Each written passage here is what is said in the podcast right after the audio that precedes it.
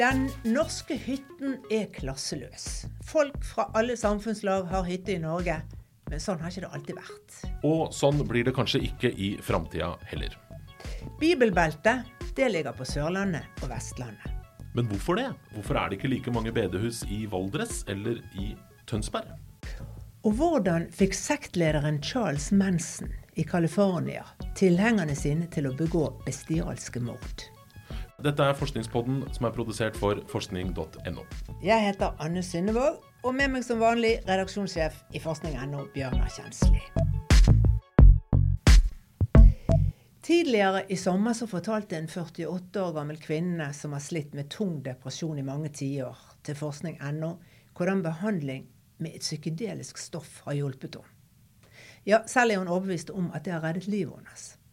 Hun hadde prøvd alt av samtaleterapi og antidepressive medikamenter, og behandlerne hadde ikke noe mer å tilby henne. Hun hadde begynt å planlegge hvordan hun skulle ta livet av seg. Da fikk hun høre om en mulig behandling med et psykedelisk stoff som heter ketamin. Ketamin det brukes faktisk daglig på norske sykehus som narkose.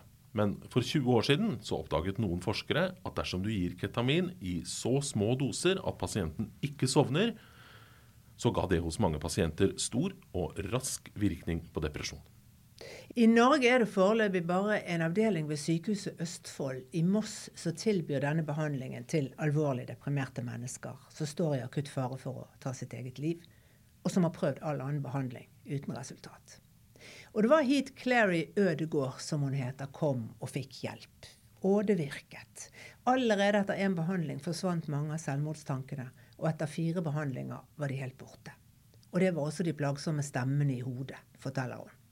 Og i dag så kan hun ta seg selv i å le igjen for første gang på veldig lenge. På distriktspsykiatrisk senter i Moss, der hvor Clary Ødegaard ble behandla, så har de nå behandla rundt 150 depressive pasienter med ketamin.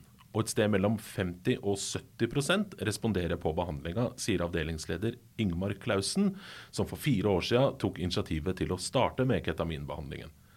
Det var vanskelig å overbevise kollegaene i Moss om at det var en god idé, fordi ketamin det er også et partydop. Men Klausen han argumenterte med at forskere ikke har funnet noen skadevirkninger av ketamin i lave doser. Ketamin det brukes jo som sagt som narkose på norske sykehus hver dag, og da i ti ganger så kraftig dose. Og Det er også lite sannsynlig at pasientene kan bli avhengig av ketamin. Så nå leder han et forskningsprosjekt med behandling med psykedeliske stoffer mot depresjon ved dette senteret. Men hva er mekanismen bak her? Hvordan kan et psykedelisk stoff virke mot depresjon? Hva er det som skjer i hjernen? Det har til nå vært et lite mysterium. Et annet mer kjent psykedelika er jo LSD. På 1940- og 50-tallet så ble det forsket mye på LSD som behandling for psykiske lidelser. Men da stoffet spredde seg langt utenfor legekontorene på 1960-tallet, og rapporter om hippier som fikk bad trips strømmet på, så ble LSD klassifisert som narkotika og forbudt. Og da stoppet også forskningen. Før han ble tatt opp igjen på 2000-tallet. Og nå, da, i 2023, så mener forskere ved John Hopkins-universitetet i Baltimore i Maryland at de har kommet et skritt nærmere svaret på hva det egentlig er som skjer i hjernen når man er påvirka av psykedelika. De har gjort masse museforsøk og oppdaga at voksne mus de blir som barn igjen hvis du gir dem MDMA, som er et psykedelika som gjør folk mer sosiale. Vil si at Voksne mus de blir like sosiale som det unge mus er i en bestemt periode av utviklinga, der de er veldig glad i å være sammen med andre mus. Voksne mus de higer ikke sånn etter selskap de på samme måte som de unge. Men det gjør de altså når de er påvirka av MDMA. Mye tyder på at unge mus har et vindu i utviklingen der de lærer seg å bli sosiale. Og at dette vinduet for læring er åpent bare en viss tid før det lukker seg igjen. Og sånne vinduer for læring vet vi jo at vi mennesker også har i barndommen. Men kan det være sånn at MDMA åpner vinduet igjen hos voksne mus? Det ser sånn ut, mener forskerne i Baltimore. Og de har testet ut flere ulike psykedelika, og alle sammen ser ut til å ha en lignende effekt. De voksne musene blir som unge igjen på et område.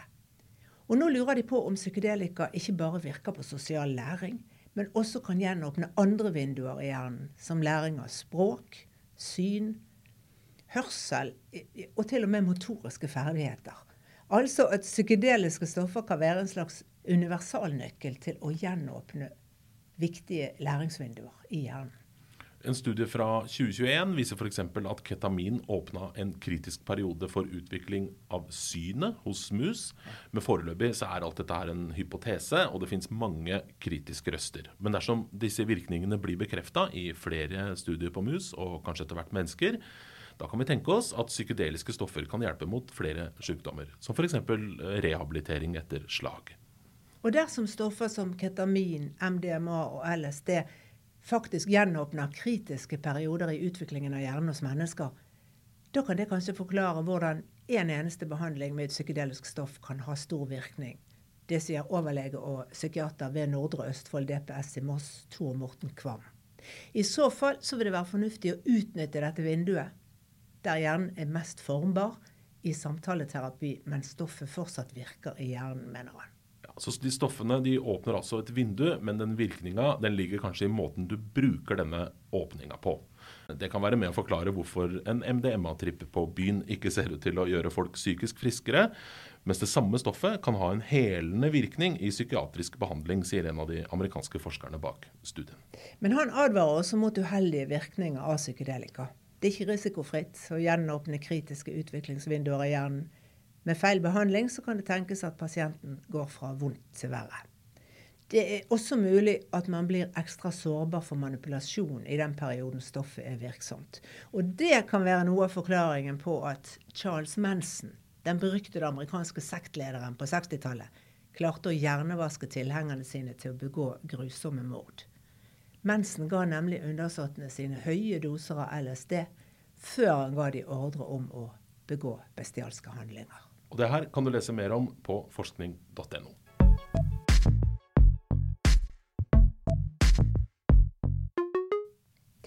Temaskifte, Bjørnar. Det er ferie, og for mange betyr det hytteliv. Ja, og tro det eller ei, det fins faktisk en halv million hytter i Norge. Og det er ganske mange. Og hyttedrømmen den er ikke forbeholdt de med tjukk lommebok. Vel, nå i disse dyrtider vil vel mange si at å kjøpe hytte er utenfor rekkevidde. Men historisk sett så er hytten klasseløs. Det påstår iallfall Finn Arne Jørgensen, som er professor i miljøhistorie ved Universitetet i Stavanger, overfor forskning.no. Hytta har ikke klassetilhørighet, sier han, og viser til at folk fra alle samfunnslag har tilgang til hytte i Norge. Men sånn har det ikke alltid vært. Nei, hvis vi går 100 år tilbake i tid, da snakker vi ikke om hytter, men om staselige fritidsboliger. For eliten. Et eksempel som kan bivånes på Maihaugen, er forfatteren Hans E. King sin fritidsbolig, som ble reist i Mesnalien i 1911. Og nå snakker vi en toetasjers tømmerbygning med eget rom til hushjelpen. Så det å eie en fritidsbolig, det var forbeholdt borgerskapet, helt frem til etter krigen. Fritidsboliger for vanlige folk fantes knapt før 1950. Det nærmeste du kommer, er kanskje setra eller støl, der ungdommer fra bygden kunne finne et fristed en sommerdag eller en sommernatt. Men setra det var jo tross alt ikke noe familiehytte. Men så, noen år etter krigen, da snudde det. Folk begynte å bygge sine egne hytter. Og det ble plutselig bygd vanvittig mange hytter. Og på 1960-tallet ble det faktisk bygd mange flere hytter enn det som bygges i dag. Men hva er egentlig grunnen til det? Én ting var at vanlige folk nå hadde ferie. Ferieloven kom på 1930-tallet. Og det ga jo familiene tid og behov for et sted å være i sommerferie. Men like viktig var det at å eie sin egen bil ble mer vanlig på 60-tallet. Biler var rasjonert etter krigen, men den rasjoneringen ble avviklet i 1960. Og det åpnet for en hyttebonanza, for skal du til et avsideliggende sted, så trenger du gjerne bil. Og det var ingen reguleringer av hvor du kunne reise en hytte. Folk bygget der de kom til. Det var fritt frem. Så bileierskapet og hytteeierskapet følger samme kurve, rett til værs utover 1960-tallet. Og I tillegg så bygde fagforeningene helt fra 1950 hytter til medlemmene sine. Og det ble bygd mange fagforeningshytter både på fjellet og ved kysten. Og det var fritt frem helt til 1965. Da vedtok Stortinget en strandvernlov for å sikre alle tilgang til strandsonen uten selv å eie en hytte. Og før de nye reglene da trådte i kraft, så fikk folk det enda mer travelt med å bygge i strandsonen. Og det ble bygd enda flere hytter, ofte av dårlig kvalitet. Fort og gale, sier Jørgensen. Disse 60-tallshyttene de var ofte veldig enkle, uten innlagt strøm eller vann. Men mange av dem har blitt pussa opp nå og modernisert og forbedra opp gjennom åra. Det første som skjer, er at folk blir lei av utedoen. Og på 70-tallet da er hyttefolket blitt vant til vannklosetter hjemme, og nå kommer de opp med en rekke kreative ideer til hvordan man skal få en innendørs do uten innlagt vann. F.eks. ved hjelp av kjemikalier. Man prøvde seg frem med en bøtte med formalin som toalett. Problemet var jo at formalin er giftig for naturen. Så da skaffet man seg samtidig et stort forurensningsproblem. Ja, og Så kom forbrenningstoalettet, og når det fungerte, så gikk jo det greit. Men når det ble en sånn halvbrent masse, da ble det veldig uappetittlig. Det var til og med noen som prøvde seg på å vakuumpakke ekskrementene sine, for så å ta de med seg hjem og kaste de i bosset. Ja, og Noen prøvde seg på frysetoaletter eller engangsdoer i papp med plastbelegg innvendig. Jeg skjønner ikke helt, men For en gammeldags utedo må jo være bedre enn de der rare løsningene her. Ja, men man skulle jo være moderne. Og utedo, det var ut, mente mange, åpenbart. Og så kom jo etter hvert kompostdoen og snurredassen, som fortsatt funker greit for mange også i dag. Og det er den mest miljøvennlige doen, ifølge professoren i miljøhistorie. Men den trenger oppvarming og en vifte for å fungere optimalt. Så det er ikke bare enkelt, det heller. Nei, og Kvinnene da, som hadde blitt vant til sine moderne kjøkken med kjøleskap og stekeovn, de ville også oppgradere hyttekjøkkenet. Men det var ikke så lett. Ikke før solcellepanelet kom på 1980-tallet. Var du da gift med en teknologientusiast, så kunne du få solcellepanel festet til bjørken utenfor hytten, og endelig få litt strøm til kjøkkenet.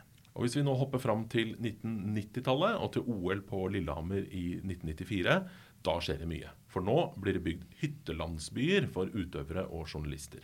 Og arkitektene de etterligner den eldre stilen fra bondekulturen i Gudbrandsdalen med norsk tømmer og torvtak. Og det var nytt. Eller det si, det var gammelt nytt. For ingen la jo torvtak under hyttebonanzaen på 60-70-tallet. Det var upraktisk, for torvtakene hadde jo en stygg tendens til å lekke. Men i dag så er det sånn at jo eldre hytten ser ut, jo nyere er den. Ja, Men nå var ideen med hyttelandsbyer planta, og utover 2000-tallet så blir dette her det nye konseptet. Både ved alpinanleggene og andre steder i fjellet. Å samle mange hytter på ett sted er enklest og billigst. Og nå snakker vi hytter da med høy standard, der innlagt vann og, og, strøm og flere soverom er helt selvfølgelig. Og i dag så blir det bygd fem og seks og oppimot 7000 nye sånne toppkomforthytter hvert eneste år. Det er likevel ingenting mot 60-tallet. Da ble det bygget mellom 10 og 15 000 hytter i året. Likevel så snakker vi om en hyttebonanza i dag også, som først nå i år ser ut til å roe seg litt. Og ideen med å bygge landsbyer er jo tenkt å være miljøvennlig. Ja, Men det hjelper ikke så mye når de nye landsbyene har så høy standard at de krever store inngrep i naturen. Med nye veier og masse infrastruktur, mener Jørgensen. I dag er f.eks. bare én av fire hytter her i landet uten strøm. Mange folk tenker at hytta er et hellig fristed fra miljøbekymringer, men de har nok ikke helt tatt inn over seg at hytta bidrar til at norsk natur og villmark bygges ned. Bit for bit. For hvis det er hyttedrømmen, drømmen om det enkle liv, men det enkle livet skal jo ha litt komfort. Litt, ja, en oppvaskmaskin, en vaskemaskin, wifi. Så når slutter hytten å være hytte? Hvor stor og moderne er den blitt da? Ja, det kan du si, men det kommer en motreaksjon mot mindre og enklere hytter igjen, forsikrer professor Jørgensen. Det kan vi allerede se, sier han.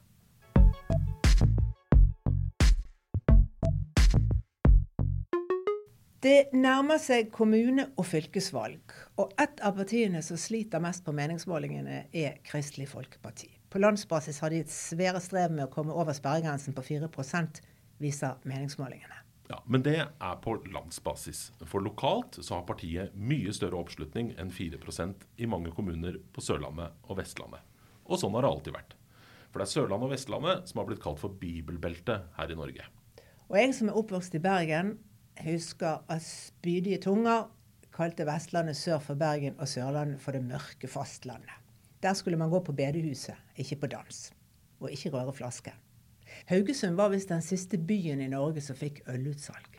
Men spørsmålet er hvorfor ble det akkurat Sørlandet og Vestlandet, og ikke Valdres eller Gudbrandsdalen eller Helgeland? Har du tenkt på det noen gang? Ikke før nå, når forskning.no tok saken.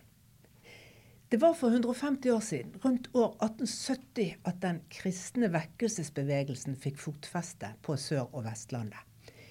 Men denne bevegelsen oppsto ikke i Norge, og det var nytt for meg. Så hvem var det som brakte den kristne bedehuskulturen til Norge? Jo, det var sjøfolkene. I havnebyene i Nord-Europa og i USA der møtte sjøfolka en helt ny type kristendom.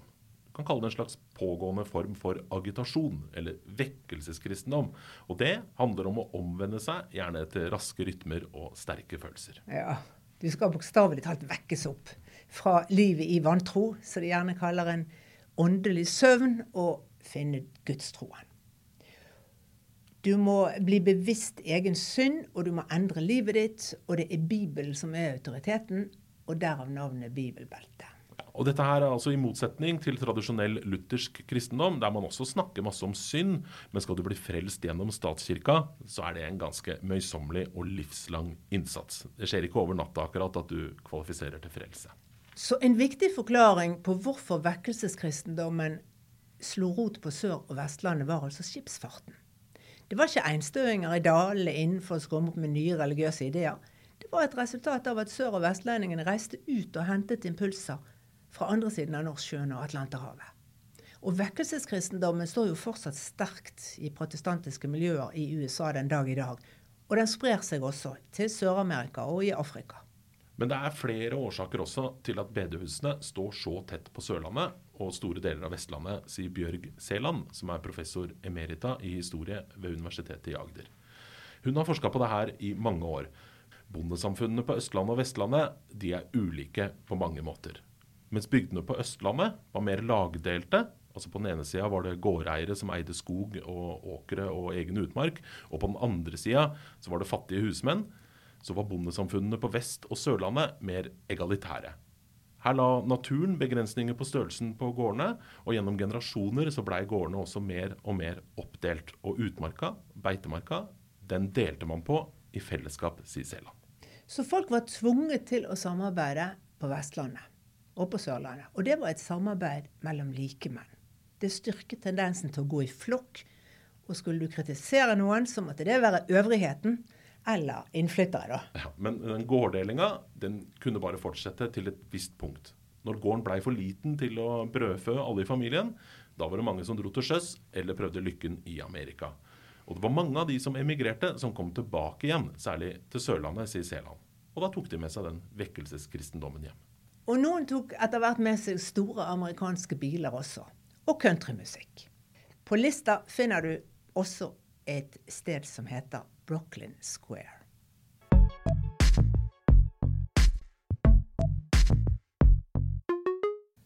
Svekke synet ditt når du får briller. Det kan i hvert fall oppleves sånn. At når du har korrigert langsynet ditt med en brille, så blir du mer og mer langsynt i årene som kommer. Det kan virke som om musklene i øynene blir late når du går med briller. Optikerne nekter for det, men de har jo interesse av å selge briller. Så hva sier vitenskapen? Nei, de gir optikerne rett. Altså vel å merke hvis du er voksen. Det gjør neppe noe forskjell på utviklingen av synet om du bruker briller eller lar være. Men det fins noen unntak. Et av dem er hvis du er barn. Og det andre unntaket er at hvis du går med kraftigere styrke enn det du egentlig trenger, da kan synet ditt bli verre.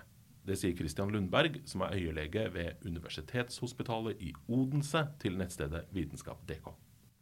Men la oss snu på spørsmålet, da. Kan jeg få dårligere syn av å la være å bruke briller når jeg ser bedre med briller? Kan jeg da overanstrenge musklene i øynene hvis jeg går uten briller? Svaret på det er også nei, da. Eh, det er fullt mulig å droppe brillene og se litt dårligere uten at det påvirker synet ditt. Dette her gjelder også når du er voksen. da. Hva så med å trene øyemuskler? Det er mange øvelser på Google som skal gi deg haukeblikk. Nei, det fins null vitenskapelig belegg for at det funker, sier Lundberg. Han legger til da at øyet har muskler som kan trenes, men de har lite med syn å gjøre. De, de bare beveger på øynene. Synet det oppstår først bak i hjernen, og det skjer ved at lysreseptorene på netthinna registrerer ulike lysbølger, som så sendes som signaler gjennom synsnervene og ender opp i bakhuet, der hvor synssenteret sitter. Så de øvelsene de kan du bare glemme. Øynene dine de blir stivere med alderen, og det kan du ikke trene deg bort ifra. Men så var det barna. Når vi blir født, så har vi et lite og rundt øye, og vi er faktisk langsynt.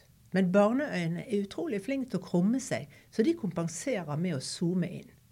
Med årene så vokser øynene helt til barna får et normalt syn. Og da trenger vi heller ikke briller.